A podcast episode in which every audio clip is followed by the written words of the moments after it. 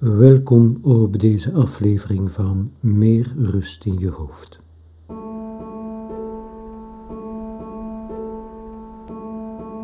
De bedoeling van deze podcast is eenvoudig: je drukke hoofd even tot rust te laten komen. In het eerste seizoen tot en met aflevering 7 zochten we die rust op door de beleving van een korte meditatie of relaxatie en door op te gaan in de beleving van een verhaal. In het tweede seizoen gaan we op zoek naar inspiratie om ruimer te kijken naar de landschappen van het leven. Rust in je hoofd kan je immers ook vinden door te kijken vanuit nieuwe, verruimende perspectieven. Vertel me over je luisterbeleving. Ik lees je graag. Het zou ook fijn zijn mocht je deze podcast willen delen. Ik wens je nog veel luisterplezier. In deze aflevering zou ik een pleidooi willen houden voor tusseninheid. Een uitnodiging lanceren om rigide posities van wat we als het juiste benoemen, wat los te laten en te durven schaatsen naar de tusseningebieden. In relaties, gender, vriendschap, intimiteit, politiek, economie, kortom, in het leven. En goede rolmodellen kunnen daar behoorlijk bij helpen. Als jonge man had ik, naast Madame Bizarre, waar ik al eerder over schreef, twee goede vrienden. De ene midden de zestig, de andere tien jaar ouder. Er was geen groter verschil tussen twee mensen denkbaar dan tussen deze twee heren. Meneer Van den Broek was mijn Apollo en Petro mijn Dionysos. Twee tegenpolen die Nietzsche tegenover elkaar plaatste, maar die allebei in elk van ons aanwezig zijn. Apollo als model voor de redelijkheid, de orde, het gezond verstand, de voorspelbaarheid en de controle. Dionysos als model voor de nonconformist in ons, die met het wijnglas in de hand, via de extase en de roes, onze complexe, mysterieuze, driftmatige gevoelswereld tot uitdrukking brengt. Pedro leerde ik kennen op Ibiza, waar hij sinds enkele jaren woonde, op zijn eentje.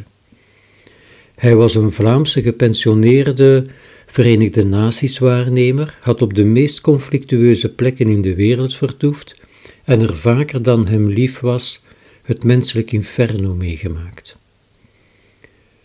Dat belette hem niet, wel in tegendeel, om een aanstekelijk doorleefde wijsheid, een elektriserende dynamiek en een krachtige congruentie uit te stralen.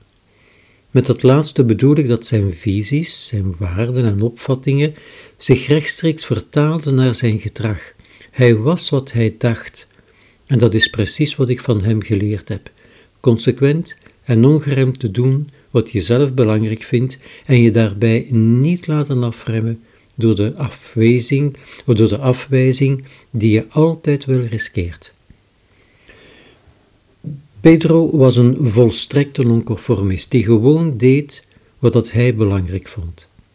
Hij zag eruit als een oude zigeuner, maar was een zeer vrij man. Van hem leerde ik het belang je niet te conformeren, niet bang te wezen om anders te zijn, maar ook hoe je je kan vaccineren tegen de eenzaamheid door een boeiend leven te leiden. Meneer Van den Broek leerde ik kennen toen hij 75 was en hij was helemaal de tegenpool van Pedro. Een klassiek uitziende gentleman in het dure pak, een gekende antiquaire geweest en wonend aan de Louisa-laan in Brussel, ook op zijn eentje, maar omgeven door kunst. Een rationele, gedistingeerde heer met een ontzagwekkende cultuur, even bescheiden als rijk, maar met de gave goede vriendschappen te kunnen onderhouden en er te blijven bijmaken. Van dat laatste was ik, toen veertig jaar jonger dan hij, een illustratie. In tegenstelling tot Pedro dronk of rookte meneer Van den Broek nooit en was in alles zeer matig en sober. Een echte epicurist. Elke middag ging hij lunchen in het Hilton. In de namiddag las hij of bezocht tentoonstellingen en de avonden bracht hij door met een vriendin die lang niet half zo oud was als hij. Hij bevestigde bij mij het belang van kunst in je leven. Ik merkte ook hoe prettig het was om vele vrienden in het buitenland te hebben waar je kan logeren, maar vooral leerde ik van hem een zeker ascetisme kennen. Een genieten in die wat strenge epicuristische betekenis met soberheid en mate. Dat ik beide mannen tegelijkertijd mocht kennen, eigenlijk de tegenpool van de ander, heeft mij ongetwijfeld geïnspireerd in het ontwikkelen van een levenshouding die mij in het verloop van de jaren eigen is geworden, deze van rekkelijke tusseninheid. Ik heb het geluk gehad dat wijze leermodellen mijn levenspad hebben gekruist. Maar ook van jonge kinderen en van dieren kunnen we veel leren. Die hebben immers nog niet geleerd dat ze moeten kiezen tussen categorieën die de meeste volwassenen hebben uitgevonden om zekerheid te vinden. Voor volwassenen is het meestal of, of. Tussenposities worden vermeden, want die scheppen verwarring, onzekerheid en complexiteit. Je bent man of vrouw, gelovig of atheïst, autochtoon of allochtoon, intellectueel of vakman, moslim of Europeaan, jong of oud, getrouwd of single, vis of vlees. Ooit al paella gegeten? Of vitello tonato? Een Afrikaanse ontmoet die authentiek West-Vlaams spreekt? Een Turkse leraar Nederlands? Een vriendschap gekend die teder was? Een brandweervrouw, filmtheater, een rekkelijk huwelijk, een she-mail? Gelukkig leven we in een periode van ontluisterende, razendsnelle evolutie. De vorige eeuw was deze van de grenzen, afgescheiden klassen, seksen, culturen, statussen, carrières, politieke en religieuze identiteiten, Oost en West, Noord en Zuid. Voor iemand als Alessandro Barrico is het kenmerkende van de huidige periode nu net het verdwijnen van al die grenzen. Dat is grotendeels het gevolg van de digitale revolutie. Iedereen heeft toegang tot het World Wide Web. Man of vrouw, of je in Niger woont of in Luxemburg, rijk of arm. De modellen van de apparaten zullen verschillen, maar de informatie is voor iedereen beschikbaar, meer zelfs onafwendbaar. En met die informatie ook de toetsing van wat ons wordt voorgehouden. De categorieën aan de complexe en tegelijk genuanceerde realiteit. Het wordt moeilijker om de mensen nog iets wijs te maken of om ongenuanceerde standpunten in te nemen. Een klik op YouTube volstaat om met eigen ogen de werkelijkheid te verifiëren. Vandaag zag ik in de krant een foto van een vrouwelijke scheidsrechter op het hoogste voetbalniveau en jonge vrouwen als bouwvakker aan het werk met een slijpschijf en poutrellen. Misschien ontlokken ze nog steeds een kramp bij taaie zwart-wit maar je kan er niet omheen. Vermits ze niet meer kunnen niet bestaan, ze staan immers in kleur in de krant, zullen zij het nieuwe gewoon worden.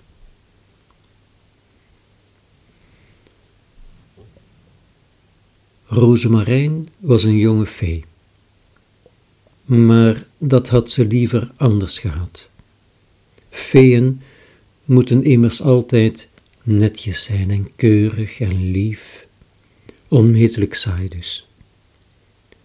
Rosemarijn had veel liever een heks geweest. Die mogen morsen en pletsen en gillen en zotte dingen doen. Onmetelijk leuk dus. Rosemarijn wou naar heksenland. Maar dat mocht niet van mama. De horror, riep die verschrikt. Dus Rosemarijn sloop s'nachts het huis uit en kwam in het heksenbos terecht. Daar werd ze fantastisch ontvangen. De heksen waren grappig en vriendelijk en leerden haar allerlei leuke trucjes. Rosemarijn was er net zo gelukkig als haar mama er ongelukkig om was, want die miste haar dochter enorm. En Roosmarijn ook wel haar mama. Wat een dilemma. Roosmarijn nam een wijze beslissing. Ze woont af en toe in het heksenbos en dan doet ze gekke dingen en stinkt ze een beetje. Maar dan springt ze in bad, trekt een witte jurk aan en met haar feenstaafje in de hand vliegt ze op haar heksenbezemsteel naar de wolk waar mama en de keurige feeën wonen en vertelt ze zoete verhalen. Rosemarijn is geen echte heks, maar ook geen echte fee. Ze is Rosemarijn, een heksenfee. Rosemarijn is een rekkelijke realiteit buiten de categorieën. Dit verhaaltje was het lievelingsverhaal van mijn petekindje Mirko toen hij klein was. Mirko is een ruimdenkende jongen die het evident vindt dat er zoveel mogelijkheden tussen het ene en het andere zijn. En ik ben Brigitte Minne, de auteur van het uh, boek met prachtige prenten van Karel Kneut, zeer dankbaar voor dit mooie verhaal.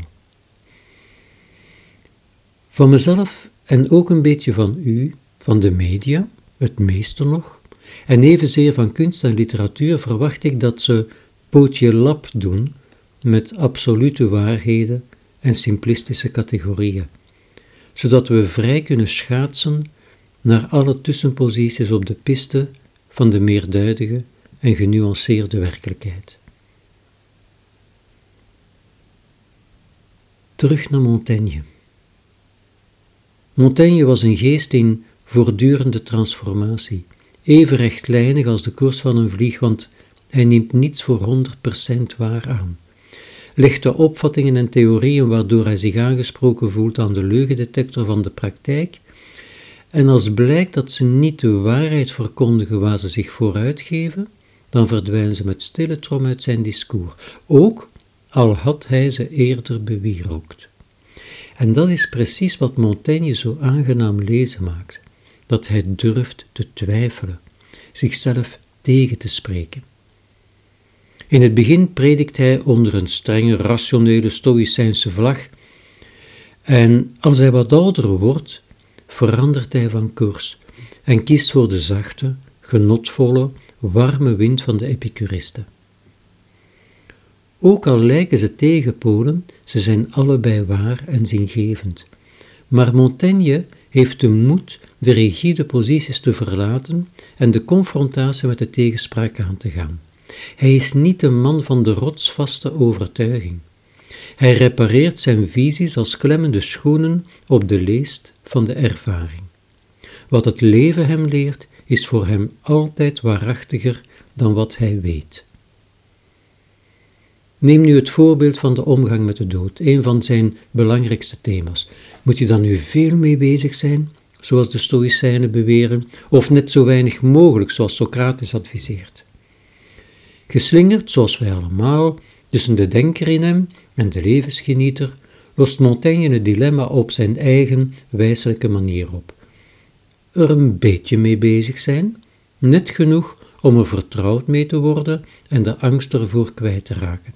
En daarnaast zoveel en zo vaak als mogelijk aandachtig en genietend leven, wakker en helder, moedig en onafhankelijk. En die man met de zeis, ach, laat hem maar komen op een moment dat je mindful een kool aan het planten bent.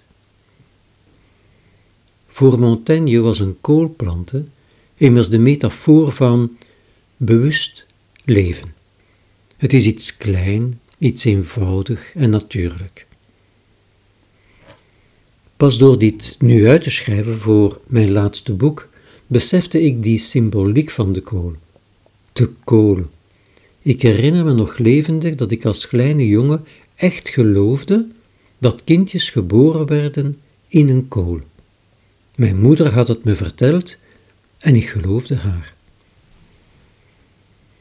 Maar de dag dat ik mijn moeder in de tuin een kool zag afsnijden, bezorgde het me wel een posttraumatische stressstoornis in peuterformaat. Ik kon niet meer spreken van ontzetting en liep bleek en bevend mee de keuken in. Daar volgde ik met ontredderde blik de handelingen van mijn niets vermoedende moeder, die de buitenste bladeren van de kool trok. Er viel geen kindje uit. Dat stak dus dieper. Toen spoelde mijn moeder de kool onder de kraan en ik voelde over heel mijn lijfje plaatsvervangende rillingen bij de gedachte aan het koude water. Maar dat was niets vergeleken bij wat volgen zou. Mijn moeder nam een groot mes en hakte de kool in stukken. Ik sloeg de handen voor mijn gezicht. Het beeld van het mes in die kleine baby leek een afschuwelijke foltering en heeft me toen zo diep geraakt dat ik die huivering nooit meer ben kwijtgeraakt. Maar alles is ambivalent en het goede nieuws is dat deze ingrijpende ervaring de voedingsbodem geworden is voor mijn levenslang engagement bij Amnesty International. Ooit las ik een anekdote die me is bijgebleven. Die ging over de briljante Franse schrijver, filosoof en socioloog Roger Caillois en hoe hij brak met het surrealisme. Hij was het niet eens met André Breton, de paus van de surrealisten, over de betekenis van een springboon. Dat is een boon die op een bepaald ogenblik, als de vrucht rijp is, uit zijn omhulsel springt. Breton, die aanhanger was van het mysterieuze, het magische en het irrationele, vond dat de betekenis van die boon louter moest liggen in de bovennatuurlijke mystieke kracht die ervan uitging en de verwondering die het ontlokte. Calois daarentegen was niet gekant tegen deze poëtische benadering, maar wou vanuit zijn wetenschappelijke achtergrond de boon onderzoeken en vervolgens analyseren van waaruit deze beweging ontstond. Dat was voor Breton onaanvaardbaar, want de rationele analyse zou volgens hem de unieke kracht van de magische beleving onmogelijk maken. De kloof tussen het irrationele van de betovering en de rationele wil om te begrijpen bleek zo diep dat het een definitieve breuk inluidde tussen beide erudite mannen. Soms heb ik de indruk dat er binnen in mij ook zo'n twee mannen wonen. Enerzijds de nuchtere wetenschappelijke analytische geest die, om de dingen een bestaansrecht te geven, graag uitgaat van evidence-based resultaten, maar die ook hetgeen hij niet kan verklaren neigt te negeren of te ontkennen, omdat hij geen kapstok heeft om het aan op te hangen. Anderzijds de intuïtieve man die van kunst houdt, boeken, films en toevallige ontmoetingen, omdat ze een glimp van herkenning kunnen geven aan het onbenoembare. Aan die amper waarneembare, maar steeds aanwezige, basale ik. Ik ben ze zo beide dankbaar, omdat ze me beloftevol vrij waren van de laksheid waartoe de juiste waarheid me zou verplichten. In onze westerse wereld is de ratio en de daaruit voortvloeiende redelijkheid vaak de enige norm van wat juist en goed is. De andere kant, het emotionele, het intuïtieve, het passionele en het irrationele, valt te mijden omwille van onvoorspelbaarheid en dus controleverlies. Dat is vliegen met één vleugel. Vandaar die tip van Montaigne. Meng je wijsheid met een tikkeltje onverstand.